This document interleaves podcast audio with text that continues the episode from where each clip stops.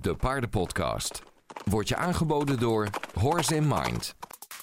In deze aflevering Nee, nee, ze, ze, ze beten en trapten niet, ze stijgerden niet. Nee. Niks van dat alles. Ze gingen er gewoon keihard vandoor. Of dat nou op de grond of onder het zadel was. Ja. Weet je, ik had er al lang verkocht. Ja. Of eh, ik snap niet dat je het geduld hebt. Ik heb nooit gedacht van, oh, dit is een doodnormaal paard waar je gewoon op kan stappen. En weet je wel, het was niet... Ze is nooit het braafste paard van stal geweest of wat dan ook. Dit is de Paardenpodcast. De podcast over de verbetering van paardenwelzijn. Voor een wereld vol gezonde en gelukkige paarden. Hi, ik ben Jantine Steehouder. En vandaag zijn de rollen omgedraaid, want ik zit hier met Rianne Dekker. Ehm, en we gaan het hebben over Cassindi. Ja, Over jouw, jouw lieve, mooie inspiratiebron eigenlijk. ja zeker. Mijn allereerste paard. Ja. Eigen paard, ja. En ik wil je eigenlijk het hemd van het laag- lijf vragen vandaag. Ja, ik ben heel benieuwd. Het is helemaal onwennig eh, om, om aan de andere kant te zitten in mijn eigen podcast. Ja, dat snap ik. Nou, eh, dat gaat helemaal goed komen. En eh, we gaan gewoon, ja, ik ben heel benieuwd wat, eh, wat jij ons kan eh, leren over haar. Want ik ken haar natuurlijk wel een beetje. Ja, jij hebt daar natuurlijk nog meegemaakt op, stal. We Ja, hebben een aantal jaar op dezelfde stal gestaan. ja, Ja. zeker. Maar ik, heb, ik weet eigenlijk niks van haar van, van haar vroeger, van jullie vroeger. Eh, en daar ben ik wel heel nieuwsgierig naar. En ik denk andere mensen ook wel. Dus kan je ons vertellen eigenlijk vooral ja, hoe, hoe jullie samen zijn gekomen? Hoe is dat ontstaan? Ja, eh, nou ja, dan, dan beginnen we inderdaad echt bij het begin. Cassindi was een, eh, nou, is een haflingermerrie. En met hele mooie lange blonde manen. En eh, zij stond op dezelfde stal als mijn verzorgpony Wally destijds. Ja. En ik was Wally gaan verzorgen toen ik, eh, ja, ik geloof een jaar of 16 was. Ook een haflinger, een ruin. En ehm, eh, met hem heb ik echt de basics geleerd van, eh, van horsemanship en eh, grondwerk. Eh, Parelli heb ik met hem gedaan. En Cassindi stond op dezelfde stal.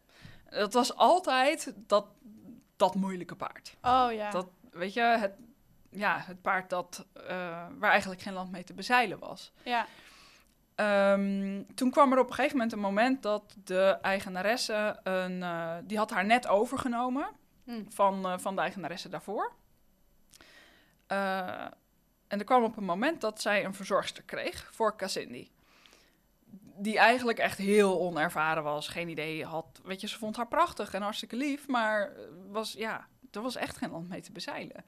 Toen hebben we eh, het uiteindelijk zo gedaan dat eh, zij Wally ging verzorgen en dat ik dus Cassindi ging verzorgen. Dus we ruilden van verzorgpaard. Maar- dat deed wel een beetje pijn, want ik, had, Oh, ik ja. vond Wally wel echt fantastisch. En ik had zoveel van hem geleerd. En maar het voelde wel echt soort van als het, het afsluiten van een periode, zeg maar. Ja. Eh, maar het was ook oké, want hij was inmiddels eh, bijna 22 en zij kon nog wel veel van hem leren. En, en ik, ja, in mijn eigen woorden destijds, was toe aan een uitdaging. Ja, ja, want ik wou zeggen, wat is dan in godsnaam de motivatie om die ruil te doen?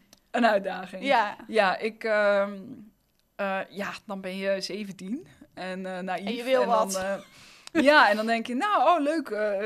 weet je, ik heb gezien wat er mogelijk is met, met de juiste training en, en met de juiste skills. En ik was wel eens benieuwd, zo van, ja, kan ik dat dan ook met Cassindi? ja. Kan ik haar helpen om gewoon een, ja, een fijn, normaal paard te worden eigenlijk en leuke dingen te gaan doen? Hoe oud was zij toen? Oeh, eh, ze, poeh, ze, ze was negen. Oh ja, ze had echt al wel dingen meegemaakt. acht. Ja. En ook al veel eigenaren, stallen, dat soort dingen gehad. Eh, nee, dat helemaal niet. Oh, nee, nee. Ze, ehm, ze heeft eigenlijk haar hele leven op die stal gestaan waar ik, haar, eh, eh, waar ik haar leerde kennen. Voor zover ik weet. Misschien nog één andere stal geweest, maar in ieder geval volgens mij al zolang als ik, eh, zolang als ik weet, zeg maar, heeft ze daar gewoond.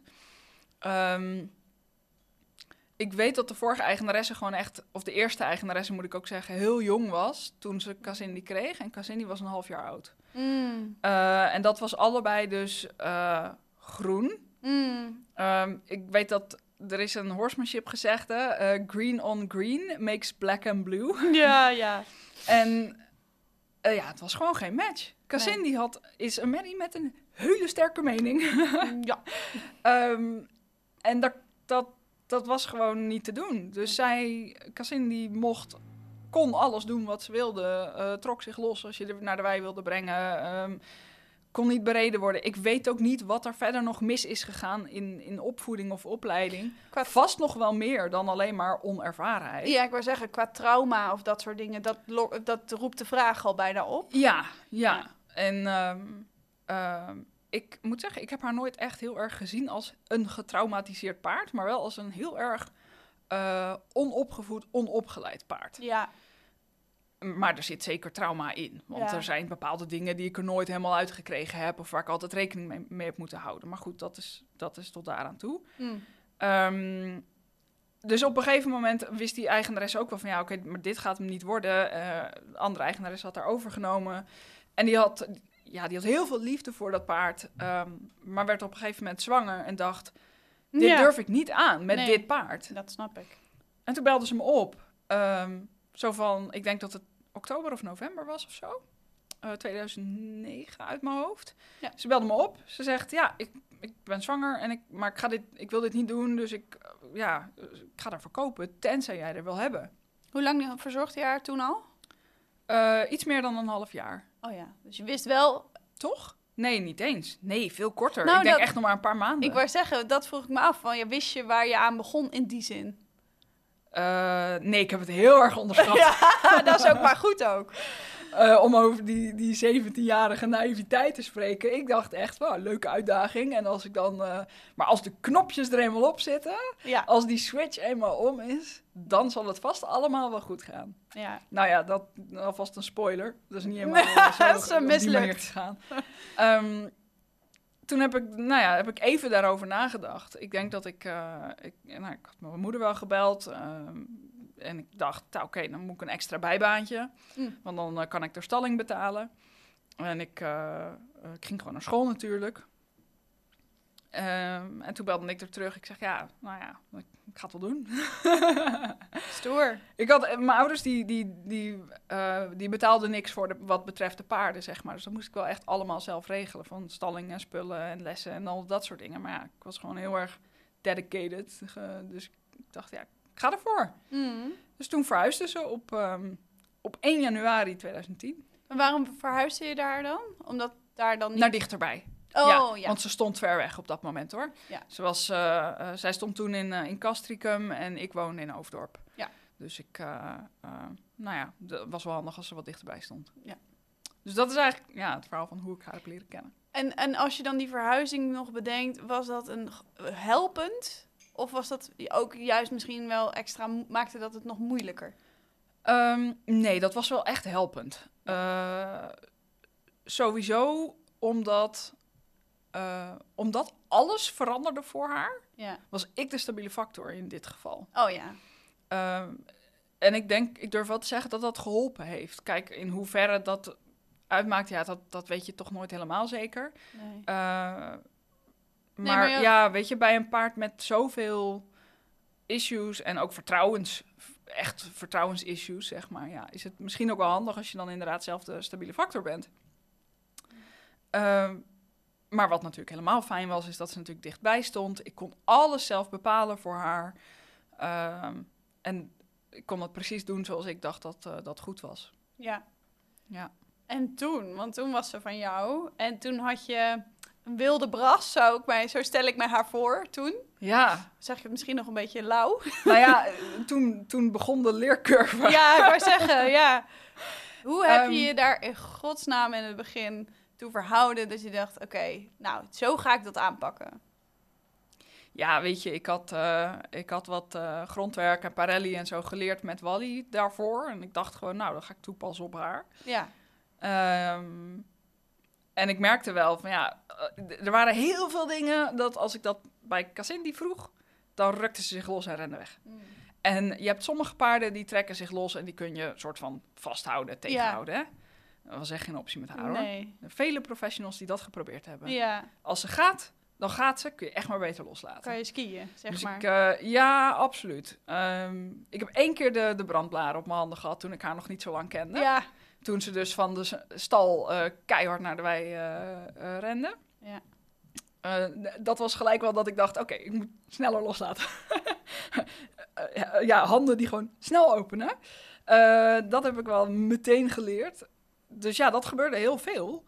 Ehm, maar ik dacht elke keer van ja, ik, dan probeer ik het morgen op een andere manier. Ja. Dan probeer ik morgen of ik nog kleiner kan zijn. Of dan kijk ik of ik eerder kan stoppen, dat ze niet weg hoeft te rennen. Of dan probeer ik het leuker te maken voor haar. En zo zocht ik elke keer weer gewoon naar ja, iets dat ik beter kon maken voor haar, zodat ze niet weg, hoef, weg hoefde te rennen. Ik vond dat wel echt een, eh, ja, ik zag daar wel een soort sport in. Ja, om ja. dat, om dat eh, voor elkaar te krijgen. Ja, Ehm, ja, ik was verschrikkelijk verliefd op haar. ja Ze dat was helpt. Echt fantastisch. nou ja, daarom had ik natuurlijk gewoon engelen geduld. Ja, Ik dacht, ja, dit gaan, we, dit gaan we gewoon doen. ja. En ook in het rijden, ja, was het gewoon behoorlijk een uitdaging natuurlijk. Eh, ik had toen al les van Tessa Roos, want met haar, van haar had ik al les toen ik met Wally eh, nog bezig was. Ja. Ehm, dus ik had Tessa ook weer gevraagd om te helpen met Mon Amour. Nee, niet met Mon Eh, Amour. met Cassindi. met. Opletten. Ook wel met Mon Amour. Ook maar- met Mon Amour, maar ja. Met Cassindi inderdaad. Ehm, en, ik, en ik weet nog dat we... ik, nou, ik had een zadel voor haar gekocht waarvan ik dacht, nou, dit past. Het was... Nou ja, in de jaren daarvoor had ze helemaal geen passend zadel gehad. Eh, dus er werd altijd het zadel gekozen waar ze het minst op reageerde. Mm. En nu had ze een, een passend zadel. Het kon echt, echt, echt nog wel beter. Dat is later gekomen, maar het was een passend zadel. Ik wou zeggen. Ehm, en ik weet dat we in de kraal waren, in de longeerkraal, eh, met een van de eerste lessen van, van Tessa. En het doel was eigenlijk niet eens om echt te rijden of zo. Het was gewoon, ik ging zitten. En normaal was, eh ehm, eh, was Cassindi al wel zo dat ze dan al er vandoor schoot. Mm. Maar goed, we waren in de kraal, dan heb je ook niet zoveel ruimte natuurlijk. En ik had wel al geoefend met af en toe gewoon zitten en niksen en dan weer af en weer zitten en niksen en dan weer af. Dus dat was wel oké. Was ze wel ingereden, zoals men dat noemt? Ik je- heb geen idee hoe dat gegaan is. Oh, jij, Nee. jij hebt haar nooit zien rijden met Ja, iemand zeker. anders? Oh, Ja. wel. Ja. Ja, maar dat ging wel meestal met eh, flink longeren, daaraan voorafgaand, zodat ze wat minder energie had. En dan teugels strak, stang op het onderste, Oh, met een stang. teugels op het onderste gaatje. Ja. En dan eh, wachten tot ze Hold on for your dear is. life. Ja. Ja, ik heb één, één duinritje destijds met haar gemaakt op de oude stal. Ah, Dat was inderdaad hold on for dear life. En een rondje waar je normaal een uur over doet, waren wij met een half uurtje klaar. ja, ja. Ja, echt niet te doen. Want eigenlijk, als je het zo allemaal opnoemt, ehm, ik, ik besef me ook wel, kijk, ik heb een beeld bij haar, jij hebt een beeld bij haar, maar de luisteraar of kijker denkt misschien, wow, wat is dit voor een wild paard? Maar, en dat was het ook. Doe dat en dan keer drie. Ja, maar wat, kan je kort omschrijven, wat, wat deed ze dan? Losrukken, die hebben we natuurlijk al vaker gehoord, maar wat, wat, wat, was ze ook gevaarlijk? Deed ze ook gevaarlijk naar jou toe? Hoe? Nee, nee, ze, ze, ze beten en trapte niet, ze stijgerde niet. Nee. Niks van dat alles. Ze ging er gewoon keihard vandoor. Of dat nou op de grond of onder het zadel was. Ja. En echt van 0 naar 100 in drie seconden. ja, ze wou geen verbinding aangaan. Ze bleef niet bij jou, zeg maar. Nee, nee. En het was ook, eh, voor haar was gewoon de enige optie weg van de situatie. Ja. Maar Ehm, zonder jou te verwonden, zonder, Ja. zeg maar, dus ze was veilig. Net, en natuurlijk, ik ben vet vaak van eraf gevallen. Want als Ja. je er zo keihard vandoor gaat, Oh, dan ja. is dat op zich wel logisch. Ja, Dus dat is, wel eens, dat is zeker wel eens gebeurd. Eh, en dat, dat deed ze dus ook onder het zadel. Dus Hmm. die, die eerste keer met Tessa, dat ik in die kraal stond en zat. En Tessa die vroeg aan me of ik eh, eh, mijn gewicht wat terug wilde verplaatsen. Dus klein, be- klein beetje bekken kantelen, gewicht een beetje terug. Gewoon wachten op Cassindi. En op het moment dat Cassindi ook gewicht terugdeed, dat was al gewoon einde, einde sessie, zeg maar. Want gewoon het feit dat ze die verbinding hield, ja, nadacht, voelde ja. en bedacht om mee te gaan in plaats van er tegenin. Ja, Ja, dat was gewoon echt al, daar was ik zo blij mee, zoiets kleins. ja, Ja, en daarna is het wel gewoon een soort aaneenschakeling geweest van telkens dat soort kleine dingetjes en elke keer weer een stapje verder en verder en verder. ja. En af en toe nog wel weer heel veel terugslagen. Ja, want eh, als, je, eh, wat, als ik mezelf in dit verplaats, zeg maar, hoe, hoe heb je het voor elkaar gekregen om niet zelf heel bang te worden of heel erg verkrampt te raken, zodat je haar nog kon helpen? Want zo klinkt het wel. Je- Het klonk echt alsof je haar kon helpen door de hele reis heen. Ehm, ja, ik moet zeggen, ik heb zelf enorm veel geleerd van haar, hoor. Ja, ja. Dus ik heb haar lang niet altijd kunnen helpen. Nee, ik schets het Totaal niet. Ja. Eh, Maar ik had wel gewoon telkens de wens om beter te worden en te groeien. Zodat ik haar daarna wel kon helpen. Ja. Ehm, Maar hoe heb je dan jezelf daar... Want dat is voor heel veel mensen al best wel een hele mo- moeilijke stap, denk Mhm. ik. Dat je denkt, oeh, dit is too much, weet je wel. Dit kan ik niet. Hoe ben je dan elke keer toch op dat sprankeltje gekomen van... Oké, let's go. ehm, jong en naïef zijn. Zou je dat nu niet meer doen als je als Mon Amour zo'n soort uitdaging zou worden? Zit dat in jou? Of...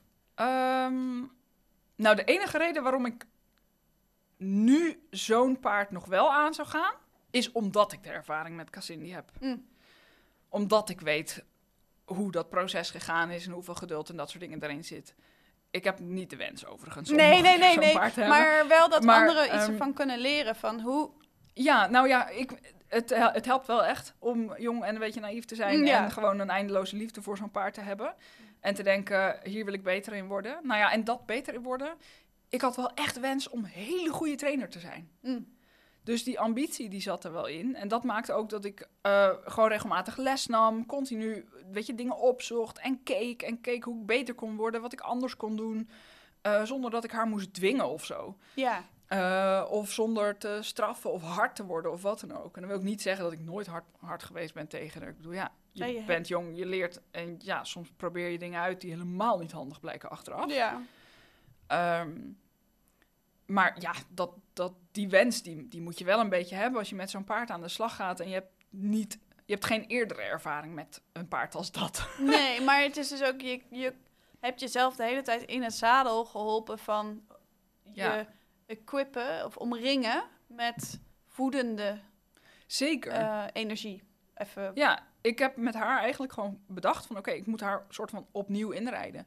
ja. Dus hoewel zij dus een stang op het onderste gaatje gewend was... ben ik met haar ja, gewoon weer teruggegaan naar een touwhalster. Want ik dacht, ja, ehm, als het op zo'n bit niet gaat... Ja, waarom zou ik dat dan doen? wat Weet je wel? einde dan? Geef me dan maar een touwhalster als het toch niet uitmaakt. Ja. Eh, dus ik ben gewoon bitloos inderdaad met haar begonnen en echt helemaal terug naar de basis. En ik moet zeggen, ik ben er natuurlijk dus wel echt een aantal keer van afgevallen. Eh, ik heb ook echt wel heel lang gehad. Ik heb het nog steeds als ik op nieuwe paarden stap of, of als ik een tijdje niet gereden heb. Maar dat als ik opstap, dat mijn ademhaling even hoger wordt. En Ja. me- dat mijn hart een beetje, eh, hartslag een beetje hoger is. En dan moet je echt even zitten, aarden, voelen. ja. Jouw lijf weet dat nog van toen. Ja. Ja. En dat is wel, ja, dat, dat komt wel echt door Cassini. Ja. Door al, al die keren dat ze er vandoor schoot. Ja. Want ja, als dat je associatie is. Ja. ehm, dus ja, nee, ja, ik ben hooguit wel bang geweest dat ik er echt niet kon houden en dat ik eraf zou vallen. Zeker, maar ehm, ik zocht wel gewoon altijd in, in oplossingen, zeg maar. Want het- Ja. ze deed het niet om mij eraf te krijgen. Ze deed het omdat ze bang was of zichzelf niet. Ja, jij zag houden, zeg haar maar. echt, hoor ik in deze woorden Ja, eigenlijk. misschien. Ja, Van dat je verder kon kijken dan jezelf eigenlijk. ja misschien. Ja. Ja. Misschien geeft dat wel heel veel moed en heel veel verbindingsverlangen, waardoor je dat blijft zoeken. Ja, en eh, ja, ik heb heel vaak gehoord natuurlijk wel van, joh, eh, weet je, ik had er al lang verkocht. Ja, of eh, ik snap niet dat je het geduld hebt. Maar ja, ik had gewoon echt een mega liefde voor dat paard. En ik had ook gewoon een eindeloos geduld. En dus het verlangen om heel goed te worden. Mm. Ik denk dat die drie wel een gouden combinatie was in dit geval. En jullie gewoon, jullie resoneerden natuurlijk toch wel. Ja, maar ik bedoel, Cassindi was wel gewoon echt een heel gaaf paard. Zeker waar. Ja, zeker waar. Ja, Ik bedoel, rete slim, bloedmooi, Ja. super intelligent. ja. fysiek niet.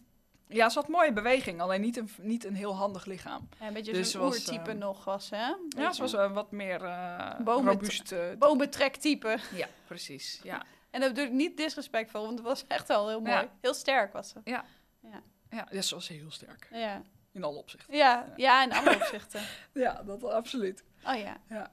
Oké, oké. dus ehm, en dat is de periode. Heb je daarmee, want op die stal ehm, heb je op die plek al de ontwikkeling gemaakt naar, joe, we zijn oké met elkaar. Want Nee, zo ken ik niet. jullie eigenlijk. Ja, hè? Ja, nee, totaal niet. Daar hebben echt verschillende verhuizingen eh, nog tussen gezeten. Oké, Ik ben eh, met haar meer verhuisd dan dat ik gewild had. ja. Eh, maar ja zo, ja, zo loopt het soms. Mm.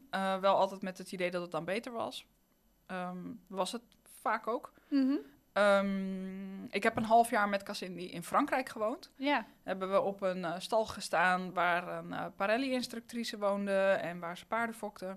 Was dat een, een doorbraak, stu- stuk van jullie? Heel erg, omdat... Ja? heel erg. Ik weet dat de eerste week, eerste twee weken, die waren echt vreselijk. ja, omdat... ehm, Waarom? die, ja? Omdat die instructrice, die Parelli-instructrice, die was er niet op dat Oh. moment. Die was nog op, eh, ik weet niet waar ze was, maar ze was er niet. Ehm, en de oplossingen die we in de tussentijd, ja, soort van probeerden, werkten echt voor geen meter. Oh ja. En zijn ook dingen waar ik niet trots op ben. Dus En ik ga die ook niet toelichten in deze podcast, omdat ik denk, ik wil ook niemand op het idee brengen om het op die manier op te lossen. Nee, maar het was een soort wanhopige situatie. Ja, nou ja, dat ook. En ehm, ik wil ook helemaal niemand in, in discrediet brengen wat, dat wat dat betreft. Want eh, ook degene die mij in de eerste twee weken geholpen heeft, heb ik super veel van geleerd Mm, eh, met de paarden. mm, Alleen Cassini was echt wel gewoon een ander niveau moeilijk. mm. Als zelfs gewoon de professionals die er wel waren, het, het nou ja, voor haar geen oplossing zagen. Ja. Maar ja, het, het kwam gelukkig soort van goed toen dus eh, die Parelli-instructrice weer terug was. Ja. Die zag Cassindi wel echt eh, voor wie ze was en wat er gebeurde. Mhm. Eh, en met haar hebben we wel echt aan oplossingen kunnen werken. Maar wat me nog het meest geholpen heeft, is eh, trainen met andere paarden daar. Oh, Is gewoon mijn eigen skillset uitbreiden met andere paarden. ja. Simpelweg, zodat ik handiger werd, beter werd, meer gevoel kreeg en zo. ja. om dat toe te kunnen passen op Cassini. Ja, je kon het, stel ik mij voor, maar misschien is het niet waar, maar je kon denk ik ook niet alles vloeiend oefenen met haar. Dus eh, Nee, zeker niet. eh, dan, dan word je er ook een soort van niet beter in, want dat stagneert heel erg. Nou ja, eh, precies. Kijk, om je een idee te geven, tegen het eind van dat half jaar met in Frankrijk eh, kon ik op een van mijn projectpaarden ehm, hoofdstelloos eh, door de bak galopperen en eh elke mogelijke oefening, voltes, eh hindernis en weet ik veel wat allemaal nemen zonder problemen. En ook op de grond, weet je, op, op behoorlijk grote afstand konden we gewoon super fijn communiceren en kon hij fantastische dingen die we wel echt samen geoefend hebben. Ja. Terwijl ik met Cassindi daar net blij was dat ze zich niet lostrok als Ja. we linksom een voltertje van 10 meter instarten aan de longeerlijn. Ja. Want dat was het. Eh, het gebeurde eigenlijk altijd ook alleen maar links. Ja. Dus nou ja, typisch hè, want je loopt altijd aan de linkerkant. En Ja. Dus ze heeft heel veel van dat soort patronen had ze ontwikkeld. Ehm, maar ja, eh, ze kon vet veel andere hele knappe dingen aan het eind. Maar ja, Ja. om je een idee te geven van ja, met Cassindi was ik echt dingen aan het oplossen. Terwijl ik met andere paarden eh, zelf ook echt kon groeien. Ja, Ja, en dat precies. heeft wel echt geholpen. Ja. En ook dat je dan misschien ook wel vertrouwen krijgt in jezelf. Misschien word je wat minder hard afgestraft. En dat bedoel ik niet alsof het paard Ja. jou loopt te straffen, maar meer... Ja, afstraffen is niet het goede woord, maar je kan het gewoon niet doorontwikkelen dan eigenlijk. En Nee. met zo'n type paard, wat helemaal prima is. Maar ja. dat helpt natuurlijk wel als je dan... ja. nou ja, absoluut. Ehm, Schoolpaarden waren het voor jou. nou, precies dat. Ja. En ehm, eh, leuk wel, één daarvan woont inmiddels in, eh, in Nederland trouwens. Grappig. Ja, ehm, de ander woont in Zwitserland, Ja. dat paard. En, eh, en ik heb nog les gehad op het paard van, van een van de andere instructeurs daar op het terrein. Waar ik ook super veel van geleerd heb. Gewoon ook ja, in ruiterskills, zeg maar. Want die had je op Cassini wel nodig. Ja. En, maar daarna was het nog lang niet goed. Want ik denk, er is niet echt zo één stal geweest of één moment geweest waarop we de meeste breakthroughs gehad hebben. Nee. Ik heb me in Frankrijk echt heel erg ontwikkeld. Eh, maar voor Cassindi en mij kwam denk ik qua rijden en zo, eh, misschien ook wel qua grondwerk, denk ik nog wel meer ontwikkeling toen ik terug was in Nederland. Mhm. En dat, we, dat ik weer gewoon echt alleen maar haar had. Gewoon om mee Ja. te oefenen en te doen. En toen had ik, kon ik de lessen met Tessa Roos ook weer oppakken. En eh, kon ik daarmee verder. Ik ben, dat was wel bijzonder. Ik ben dus met haar gewoon naar clinics geweest. Bij Lisbeth Jorna bijvoorbeeld. Ik ben gewoon op ponykamp geweest met haar. Soort van. Ja. Het was eh horsemanship eh kamp en instructeur. Maar pas later dacht ik, oh, hoe vet eigenlijk. Hoe bijzonder eigenlijk dat ik met haar wel gewoon dus een paar dagen op pad kon. Ja. Uiteindelijk, terwijl Ja. we met zoveel issues begonnen. Ik denk ook als we kijken naar wat je in één dag of één week bereikt, dat je soms de haren uit je kop trekt van, jezus, trekt nog steeds los of whatever. Ja. Maar als je het vergelijkt met een aantal jaar, dat je dan Ja. soms nog wel eens zo jaw-dropping, eh, wow. Ja, en ik ben ook echt heel blij dat ik al vanaf dat ik haar eh, heb, zeg maar, heb ik best wel veel gefilmd. Ja, Dus ik heb gewoon ook veel filmpjes van Ja. hoe het toen was en hoe het uiteindelijk was en alles ertussenin. Ja, en dan heb je ook gewoon iets om op, op terug te kijken. Zo van, Ja. oh ja, oh, we waren eigenlijk inderdaad drie maanden geleden, eh, pas daar. ja, pas daar. Of, of was, zit het hem helemaal niet in de fancy dingen die je kan, maar zie je dat de connectie of zo veel beter is. Ja, Weet je wel? Of er is meer ontspanning of wat dan ook. Dat, Ja. dat is nog wel belangrijker dan dat je fancy dingen kan. ja, ja, zeker. Ja. Oh, interessant. En ehm, eh, als je, heb je het punt bereikt op een gegeven moment, misschien ga ik nu iets te veel forwards, maar punt bereikt van dat je denkt, hier zijn we, we zijn tot een punt gekomen, daar was ik echt tevreden en, en, en, en vanaf dat voelde het gewoon alsof ik het gehaald had. Zal ik het even zo Ehm, plat slaan. Ja. Ja, dat is er wel geweest. Er is niet meer... eh, ik heb nooit gedacht van... Oh, dit is een doodnormaal paard waar je gewoon op kan stappen. En weet je wel, het was niet... Ze is nooit het braafste paard van stal geweest of wat dan ook. Nee. Ehm, maar we hebben zeker momenten gehad dat ik niet meer eerst een half uur grondwerk hoefde te doen... voordat we een kwartiertje fijn konden rijden. Ja. Dan kon ik gewoon bijna meteen opstappen. Ja. Nou, dat was echt wel bijzonder Ja. voor ons. Ja, ja, ja. Eh, er zijn momenten geweest dat ik echt dacht: wauw, je loopt echt zo fijn nu. ja. En de connectie is zo goed. eh, dat dat gewoon fantastisch was. En eh, we konden ook heel veel dingen in vrijheid. Dus dat was heel gaaf. Dat ik dacht: oh ja, en je rent niet eens weg. ja, ja, ja. Ehm, Of dat En- je ook... oh, sorry dat ik je onderbreek. nou ja, ze, had er- op een gegeven moment kreeg zij darmproblemen. Ja. Eh, ze was heel ziek geweest op, eh, eh, nou ja, op een van de stallen waar we, waar we stonden. En we wisten niet helemaal zeker waar het aan lag. Achteraf gezien is het waarschijnlijk een, een wormaneurysma geweest. Ehm, dus heel veel wormen die, of larven die ineens vrijkwamen vanuit de darmwand. En die hebben heel erg de darmwand beschadigd. En eh, de peristaltiek die werd echt steeds slechter. Daarna heeft ze echt een aantal jaar nog wel een soort van opleving gehad dat het heel veel beter ging. En echt kers op de taart gewoon van, van ons. Van alles wat we getraind en geoefend hadden en zo. Was denk ik nog wel dat we ehm, naar een opleidingsweekend gingen. Ik deed de opleiding paardenrevalidatietrainer toen bij Karin Leijbrand. En eh, ja, de bedoeling was dat je zes van de twaalf dagen een paard meenam. Of van de weekenden een paard meenam. Mhm. Nou, dan had ik een aantal keer ge- ge- geruild met iemand anders, zodat ik... Uiteindelijk kwam het erop neer dat ik maar eh, twee of drie keer of zo paarden mee hoefde te nemen. Ja. Eh, ik had toen ook het paard van een vriendin in, in mijn zorg. Dus één keer is alleen haar paard mee geweest. En één keer heb ik dus dat paard en Cassini meegenomen. Mhm. En kers op de taart was echt dat eh, zij eh, gewoon gereden kon worden door iemand anders. Ah. Die, eh, ze kenden elkaar helemaal niet voor die dag. Ja. Ik wist wel van, oh, dit is echt een hele fijne, handige, prettige ruiter. Dat zou best wel eens een match kunnen zijn. Ja. Ja, en Kazin die deed het gewoon fantastisch. Ze bleef Geen stap verkeerd. en- Ja. Ja.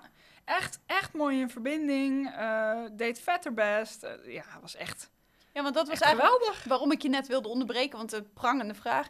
Nee, eh, maar dat slaat op wat je nu vertelt, want je kon dus op het eind eh, haar rijtechnisch ook dingen vragen die ze misschien zelfs wel een beetje moeilijk zou Zeker, vinden, ja. zonder dat ze Ja, de hort op ging. Ja, absoluut.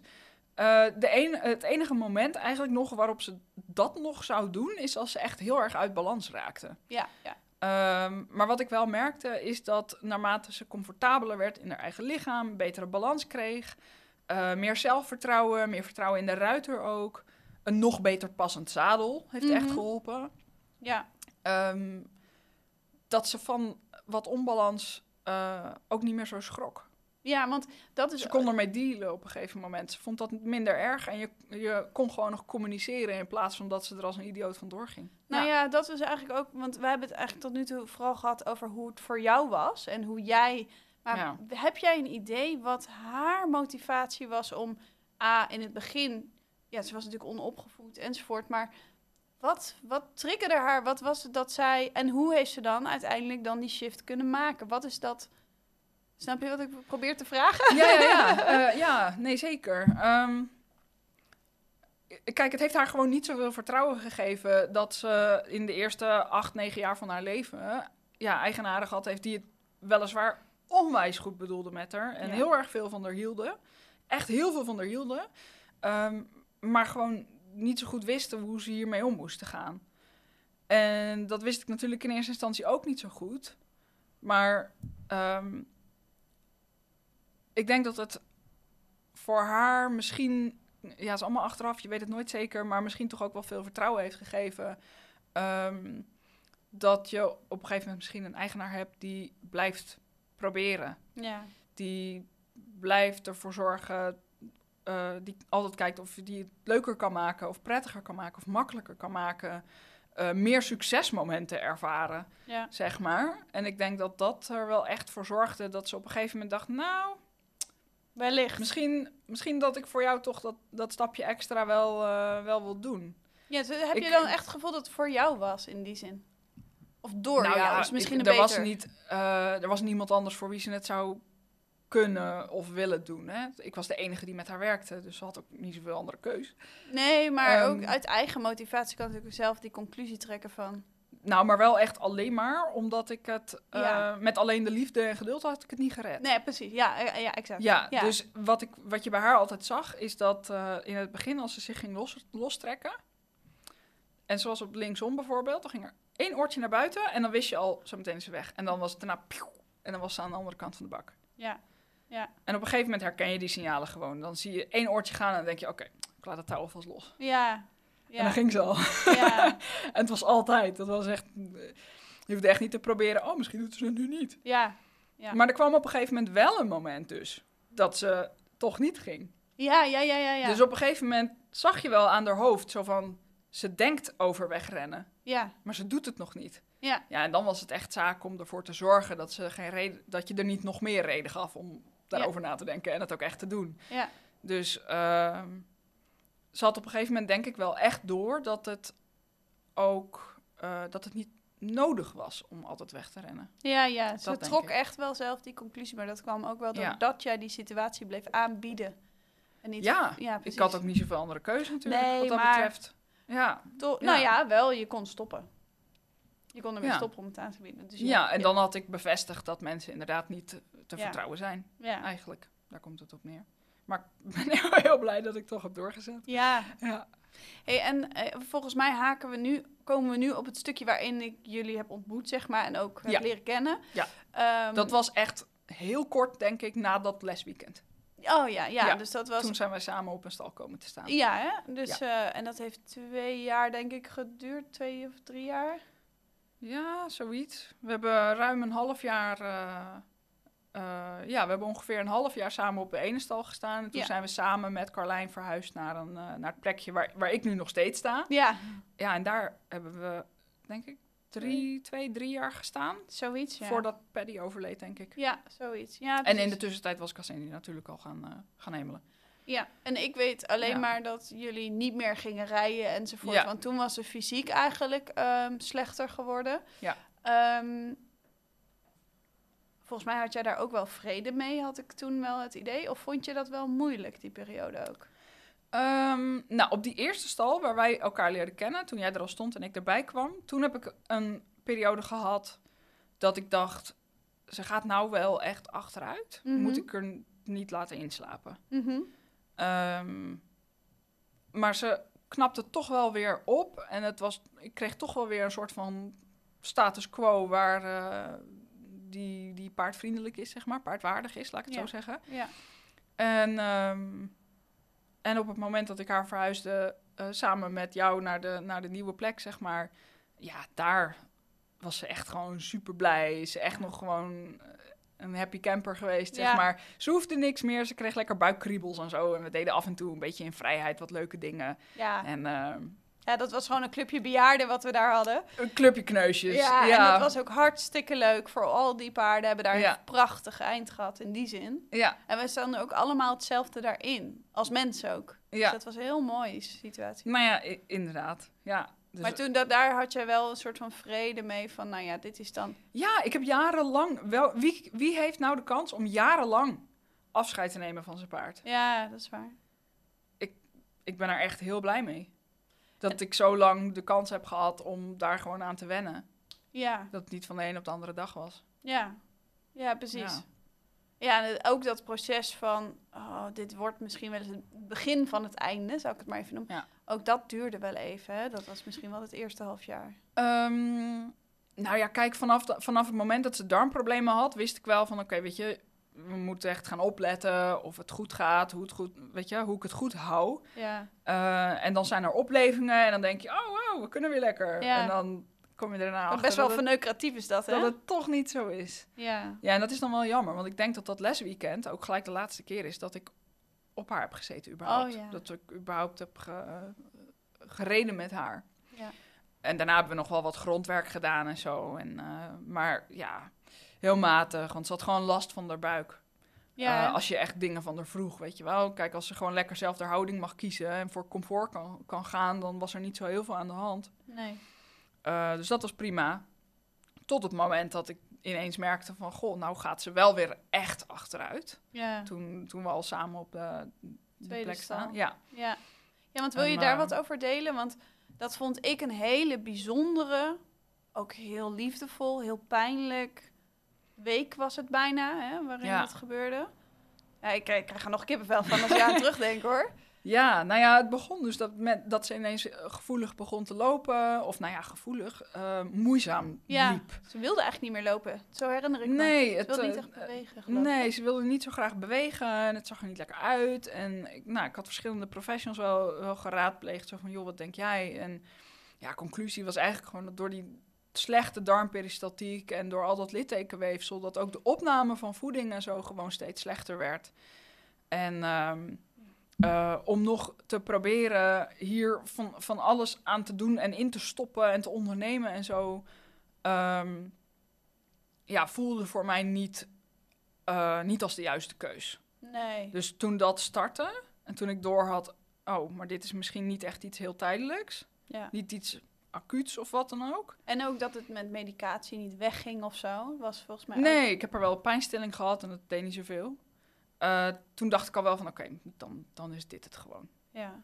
En ehm, ja, ik heb toen, de dierenarts is erbij geweest en die zag ook van, ja, nee, met die hele verhaal van wat ze allemaal, eh, met die darmproblemen en zo, wat er allemaal gebeurd was, dacht zij ook van, ja, dit is wel, ik snap dat je haar nu wil laten gaan. Ja.